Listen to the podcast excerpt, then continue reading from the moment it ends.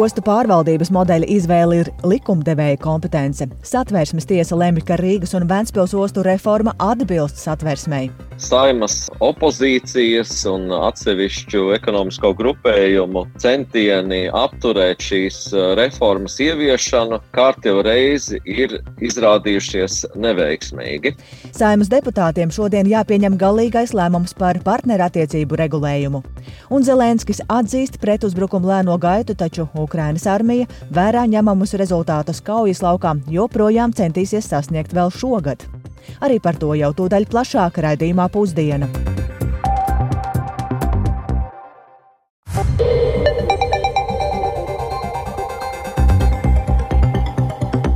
12,5 minūtes skanējumu sāk 9. novembra raidījums pusdiena un tajā plašāks skaidrojums par šodien būtisko studijā Dāca Pēkšēna. Labdien!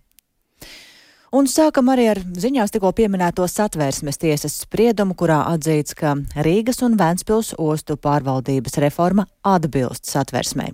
Tiesa vērtēja 22 iepriekšējā saimas sasaukuma deputātu un Vēnspils pašvaldības iesniegtās sūdzības par to, ka tiekot pārkāptas pašvaldības tiesības piedalīties ostas pārvaldībā un rīkoties ar tās mantu.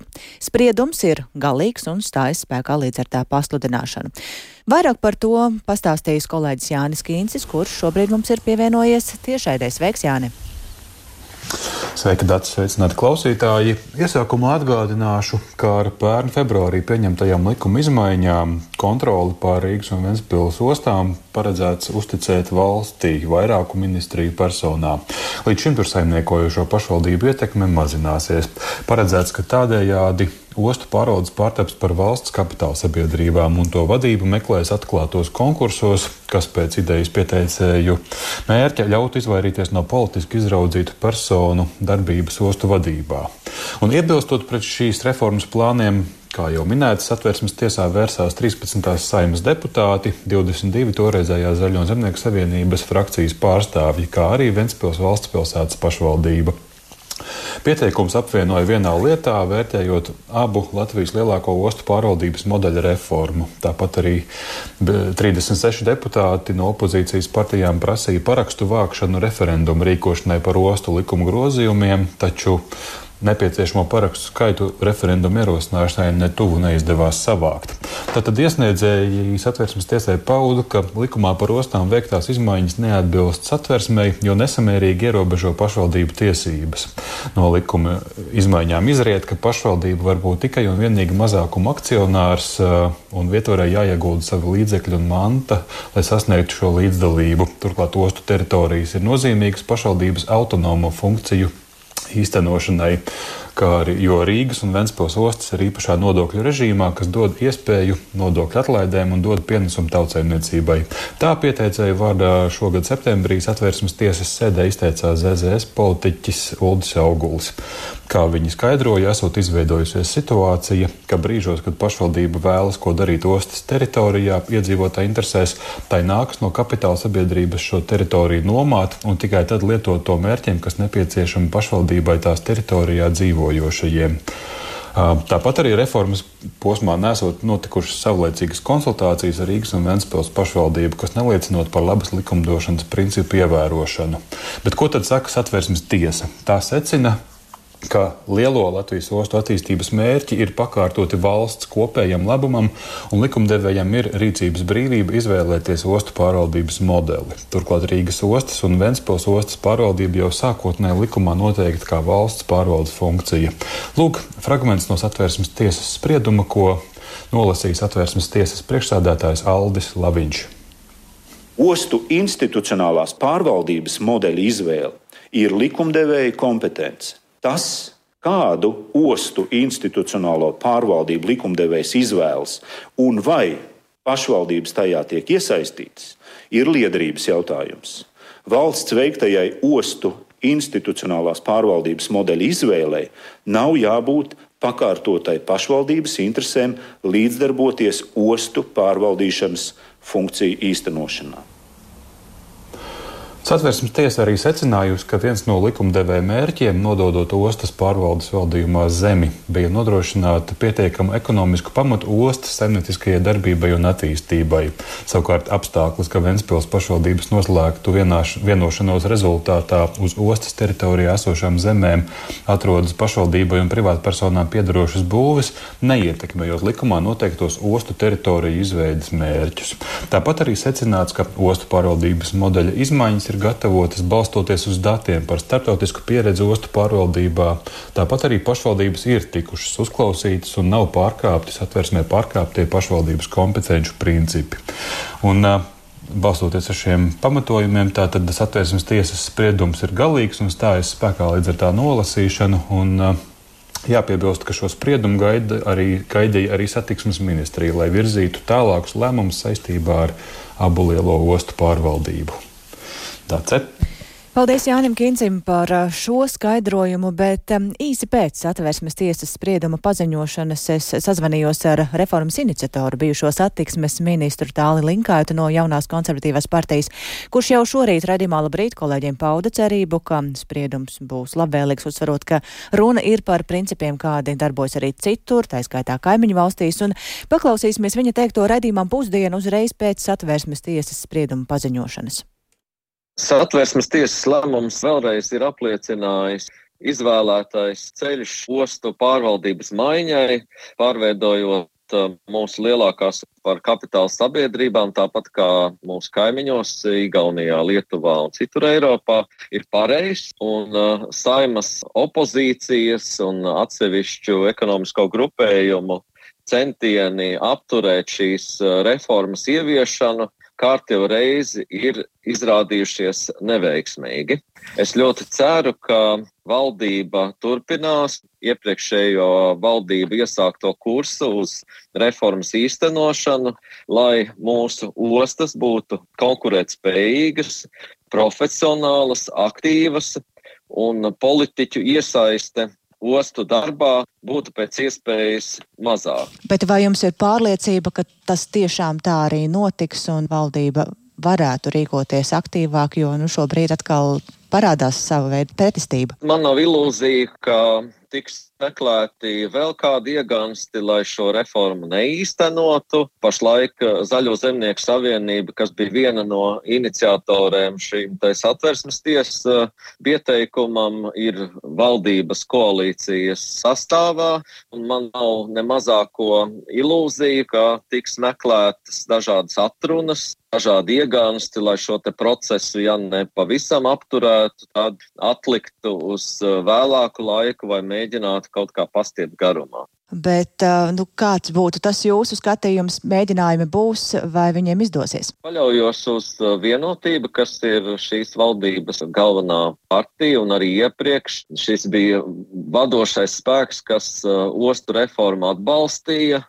Un ļoti ceru, ka ar visas sabiedrības atbalstu un iesaisti šī reforma notiks, un mēs kļūsim arī ostu pārvaldības jomā atbilstoši OECD labas pārvaldības principiem un varēsim strādāt tāpat kā mūsu kaimiņu valsts. Un tas nozīmē, ka šādā gadījumā jums ir pārliecība, ka arī izdotos izvairīties no politiskās ietekmes ostās? Galvenais eh, mērķis šeit ostu pārvaldības reformai bija, lai ostu vadība tiktu izvēlēta atklātos konkursos, tajā tiktu piesaistīti augstas klases profesionāļi un būtu izslēgta politisko partiju ietekme. Ļoti ceru, ka šī pieeja tiks arī saglabāta. Tā bijušais satiksmes ministrs Tālis Linkaits, um, tātad viņš cer uz ātru ostas reformas tālāku virzību, lai gan atzīst, ka noteikti būšot mēģinājumi arī to apturēt vai kavēt. Katrā ziņā mēģinājumi īstenot ostu reformu ir jau gadiem, un par vēl kādu ilgstošu nesakārtotu jautājumu šodien lemj arī saimā. Galīgajā lasīmā Tieši šobrīd skata Tieslietu ministres Ineses Lībiņas Egneres no jaunās vienotības likuma projektu pakotni, ar kuru Latvijā ir plānots ieviest jaunu tiesību institūtu partnerību. Saimnes sēdei seko līdzi Agnija Lazdeņam. Šobrīd gan uz brīdi viņa ir um, pievienosies mums studijā, lai plašāk pastāstītu par partnerattiecību regulējumu un deputātu vērtējumu. Sveika, Agnija! Vispirms par pašu partnerību. Kas tā ir un ko tā paredz? Labdien! Jā, lai izpildītu satversmes tiesas spriedumu, ar kuru uzsvērts valsts pienākums aizsargāt arī vienzimuma pāru ģimenes, Tieslietu ministrija iesniedz izskatīšanai Saimas juridiskajā komisijā likumprojektu pakotni, jeb grozījumus astoņos likumos, un ar to Latvijā plānots ieviest jau tavu daca minēto šo te jauno tiesību institūtu partnerību. Un partnerība būtu jauns veids, kādā juridiski nostiprināt divu pilngadīgu personu attiecības un paredzēt tām noteikta veida sociālo un ekonomisko tiesisko aizsardzību. Attiecīgi būtu tiesības pieņemt lēmumus, kas saistīti, piemēram, ar otra partnera ārsniecību, iegūt sociālās garantijas, ienākuma nodokļu atvieglojumus, savstarpējiem dāvinājumiem un aizdevumiem un citas tiesības. Partnerattiecību, part Partnerību veidot nevarēs cilvēki, kas ir laulībā, radinieki taisnā līnijā, kā arī brāļi un māsas, pusbrāļi un pusmāsas, jo, jo tā paredz šie likuma grozījumi, un partnerība nav paredzēta laulības aizstāšanai. Plānots, ka partnerība izbeigsies ar personas nāvi, ar laulību vai arī ar abu personu gribas izteikumu notāram vai ar tiesas spriedumu. Un paredzēts arī tas, ka ziņas par partnerības nodibināšanu un izbeigšanu būs ierakstāmas fizisko personu reģistrā, proti proti līdz ar to valsts un pašvaldību iestādes varēs identificēt šīs te personas, kas ir šo partnerību veidojušas. Saimas sēdē diskusijas šobrīd notiek, tās ir spraigas un garas. Tiesa lielākā daļa no deputātiem, kas kāp un jau kāpa tribīnēm, pauda savu nostāju pret šo regulējumu. Un uh, saimas opozīcijā esošais deputāts Jānis Grasbergs no Nacionālās apvienības intervijā ar Latvijas radio partnerattiecības regulējumu sauc par apdraudējumu sabiedrībai un laulības institūtam, iebilstot arī par to, ka šo likuma projektu pakotni virza steidzamības kārtā, un to pašu viņš minēja arī saimas sēdē. Paklausīsimies viņa teikto.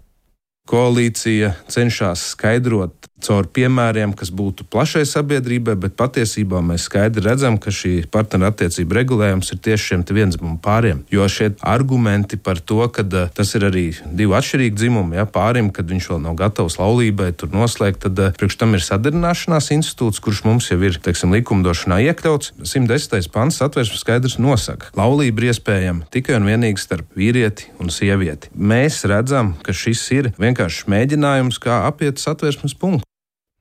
Savukārt Saimas juridiskās komisijas vadītājs Andrejs Judiņš no jaunās vienotības norāda, ka steidzamība nenozīmē steigā. Ir bijuši divi lasījumi, iesniegts projekts, priekšlikumi, diskusijas bijušas, un ātrums šajā gadījumā vien nozīmējot to, ka jautājums ir pietiekami skaidrs, un šobrīd oponenti vien saprotot, ka saturiski nav vairs argumentu, tāpēc ķeroties klāt kaut kur citur. Judiņš uzsver, ka viņa prāt partnerattiecības regulējumu šodien sēdē apstiprinās. Es brīnos, ka mums tik daudz laika vajag, lai pierādītu vienkāršas, pašsaprotamas lietas. Partnerību var reģistrēt arī tagad. Var aiziet pie notāra un reģistrēt. Problēma, ka trešas personas par to nevar uzzināt un viņa nevar pārbaudīt, ko noregulē divi cilvēki. Tāpēc mēs taisam tādu ramīti faktiski. Ja šeit būs skaidrība un kārtība, kam no tā ir kaitējums? Nu, nav tādu cilvēku. Mums runa par kaut kādiem iespējamiem riskiem. Kādi tie riski, ja diviem cilvēkiem, kuri tagad faktiski atrodas attiecības, būs arī juridiskas garantijas? Kam no tā ir slikti? Es neredzu nevienu. Tiesa tā pieņemšanai ir paredzams saimas vairākuma atbalsts, ko iezīmē arī balsojumi saimas juridiskās komisijas sēdē, un uh, tādā gadījumā likuma grozījums stāsies spēkā ar 2024. gada jūliju.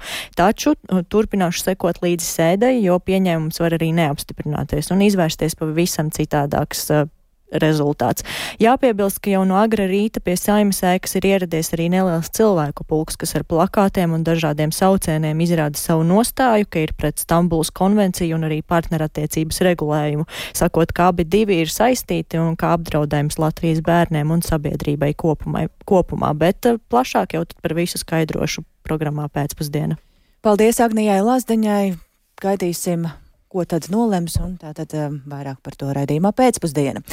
Un šis visticamāk ir tad jautājums, kurā varam runāt par diezgan lielu šķelšanos sabiedrībām. Taču kā noteikt to, cik saliedēta ir sabiedrība? Šodien Sabiedrības integrācijas fonds organizē starptautisku konferenci, kurā, kurā plašāk arī šobrīd iepazīstina ar darbu pie jaunas metodoloģijas, kā uz to lūkoties. Un kā šorīt Latvijas radio redījumā labrīt kolēģei Elīnai Baltskarai uzsvēra fonda sekretariāta direktora Zaiga Pūca, tad ir jāņem vērā tas, ka sabiedrības saliedētība ir arī cieši saistīta ar sabiedrības drošību. Paklausīsimies fragmentu no sarunas.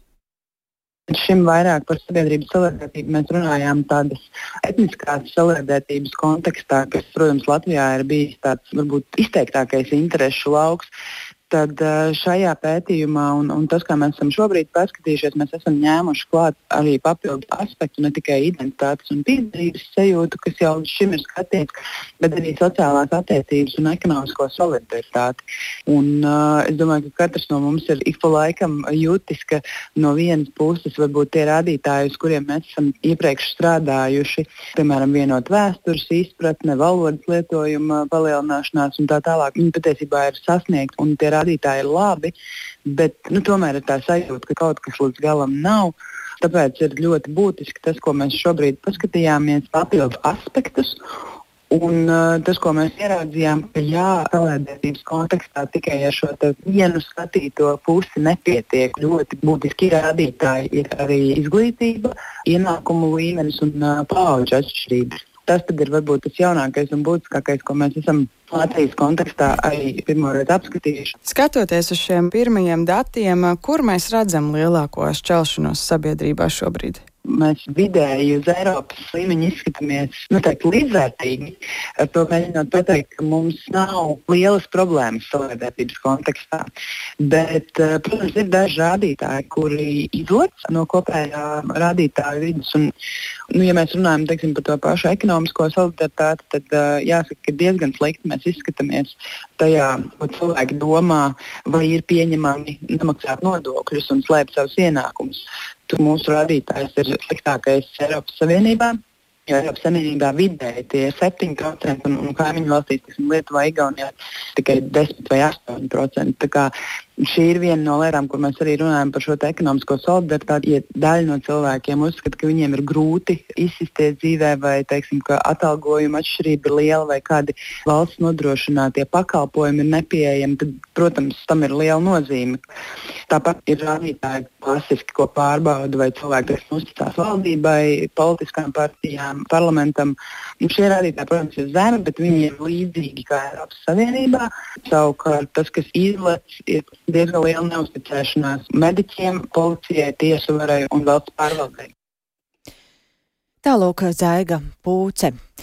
Un redzījuma pusdienu turpinājumā par Ukrainu, kur, lai arī Ukrainas armijai tās pretuzbrukuma laikā nav izdevies gūt lielus panākumus, Ukrainas prezidents Volodimirs Zelenskis ir izteicies, ka armija joprojām centīsies vēl šogad sasniegt rezultātus kaujas laukā. Tikmēr Baltais nams norādījis, ka ASV jau ir iztērējušas 96% no līdzekļiem, kas kopš kara sākuma ir piešķirti visām Ukrainas atbalsta jomām, un plašāk par to studijā ir gatavs pastāstīt kolēģis Rihards Plūme, kurš šobrīd mums pievienojas. Sveiks, Rihard! Jā, labdien! Nu, Ukrainas prezidents Valdemirs Zelenskis um, trešdien attālināt uzrunāja aģentūras Reuters rīkotās konferences ar nosaukumu Next dalībniekus, un šīs uzrunas laikā Zelenskis atzina, pretuzbrukumu lēno progresu frontes dienvidu sektorā. Tiesa pēdējā laikā šķietami paplašinājušās Ukrainas operācijas Ņepras upes kreisajā krastā. Informācija gan um, sīkāka par to, kādi ir panākumi uh, vēl pagaidām oficiāli nepienāk. Prezidents uzsvēra, ka Ukrainai esot konkrēts kaujas plāns 2024. gadam, un Ukrainas armija centīsies sasniegt rezultātus kaujas laukā arī jau šogad. Un, kā norādīja Zelenskis, tad Ukrainas armijai ir konkrētas pilsētas, konkrēti virzieni, kur armija virzās uz priekšu, taču detaļas šobrīd vēl gan nav iespējams atklāt. Paklausīsimies, ko Zelenskis teica. We have some slow, slow steps forward, like you said, on the south. Mums ir daži lēni soļi uz priekšu. Mūsu valsts dienvidos ir daži soļi arī austrumos. Ir daži labi soļi Helsonas reģionā. Esmu drošs, ka mums būs panākumi. Ir grūti. Mēs centīsimies parādīt rezultātu šogad. Mums tas ir ļoti svarīgi, jo katru dienu zaudējam cilvēkus. And for us, it's very important because we lose people each day. Jā, nu Zelenskis piebilda, ka šobrīd Krievijas zaudējumi karā ir piecas reizes lielāki nekā Ukrainas zaudējumi, un uzrunas laikā viņš arī atkārtot apliecināja, ka Kieva ir gatava sarunām par kara izbēgšanu, kad Krievija būs izvedusi savu karaspēku no Ukrainas teritorijas. Runājot par tiem Zelenska izteikumiem, ar, par kuriem runājām sākumā, nu, Zelenska izteikumi par kara gaitu ir pozitīvāki nekā Ukrainas armijas virspavēlnieka Valērija Zalužnī drūmie izteikumi par kara iestrēgšanu un pāriešanu pozicionālā karā.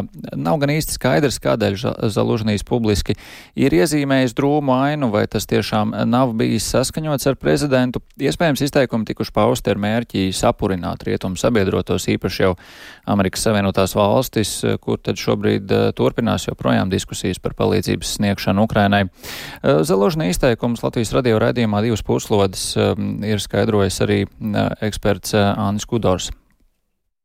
Tas ir pirmkārt vēstījums Amerikas Savienotām valstīm un citiem sabiedrotajiem Ukraiņas, lai viņi apsvērtu daudz nopietnāku palīdzību. Tur jau Zalužņīs runā, tātad, nu jā, centrālā lieta, ka ir iestrīdis, bet viņš skaidro, ka nav iespējams ar pašreizējo ieroču un bruņojumu piegādi, ar to kārtību, kā tiek piegādīts ar laika termiņiem, kā atnāk plānot vidējā un ilgtermiņā kaut kādu kardarbību. Viņam ir grūti plānot reālas operācijas, tāpēc ka viņi tās simtprocentīgi nezina, kad viņiem ko atvedīs. Un šis ir galvenais vēstījums ar Amerikas Savienotām valstīm.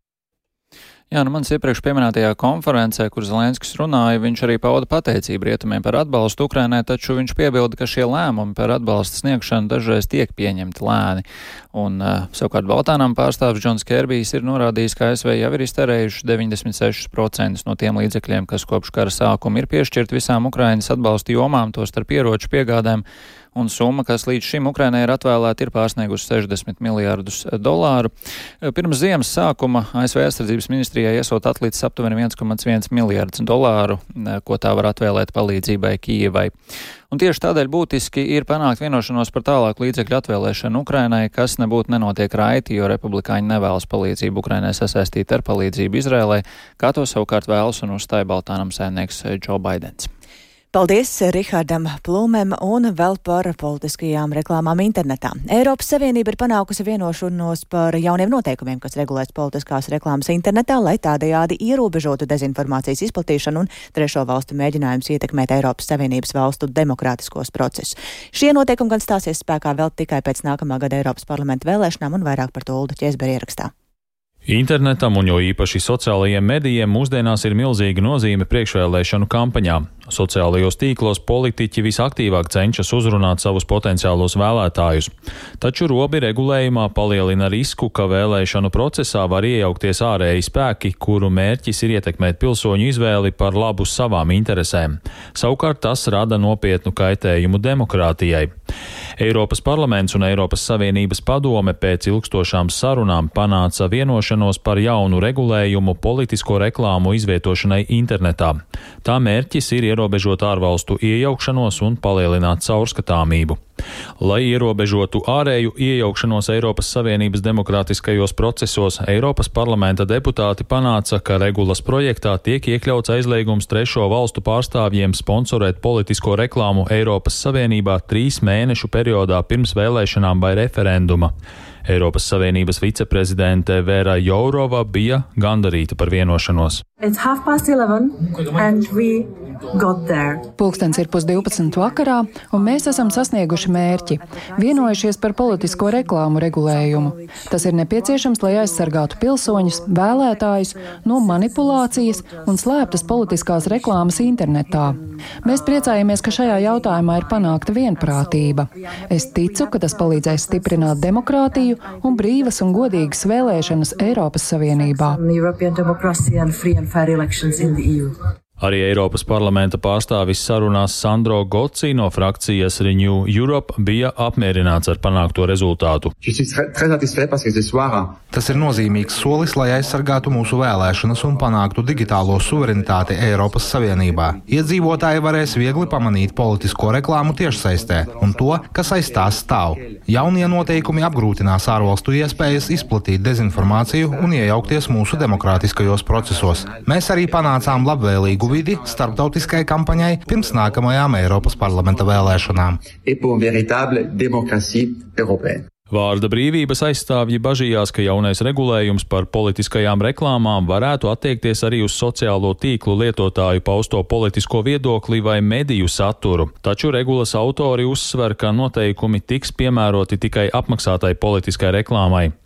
Politiskās reklāmas sniedzējiem, kuri neievēros jaunos Eiropas Savienības noteikumus, draudēs bargs sots, kura apmērs var sasniegt līdz pat 6% no reklāmas sniedzēja gada ienākumiem vai apgrozījuma. Nākamgad jūnijā notiks Eiropas parlamenta vēlēšanas, taču uz tām jaunais politisko reklāmu regulējums neattieksies. Eiropas Savienības padome panāca, ka noteikumi stāsies spēkā tikai 18 mēnešus pēc to pieņemšanas. Eiropas komisija nesen brīdināja, ka Krievija varētu mēģināt iejaukties 2024. gada Eiropas parlamenta vēlēšanās, izplatot dezinformāciju sociālajos tīklos. Uldis Česberis, Latvijas radio. Un ar šo stāstu izskan raidījums pusdiena, ko producēja Lauris Zvēnieks, ierakstus montēja Krišjānis Tikāns par labskaņu ropējās Iveta Zvēniece un ar jums sarunājās Dāca Pēkšēna. Raidījums pusdiena ir atrodams arī Latvijas radio mobilajā lietotnē, tur ir jāsmeklē dienas ziņas, lai varētu mūs klausīties, un tāpat arī Latvijas radio ziņām var sekot līdzi sabiedrisko mediju ziņu portālā LSMLV.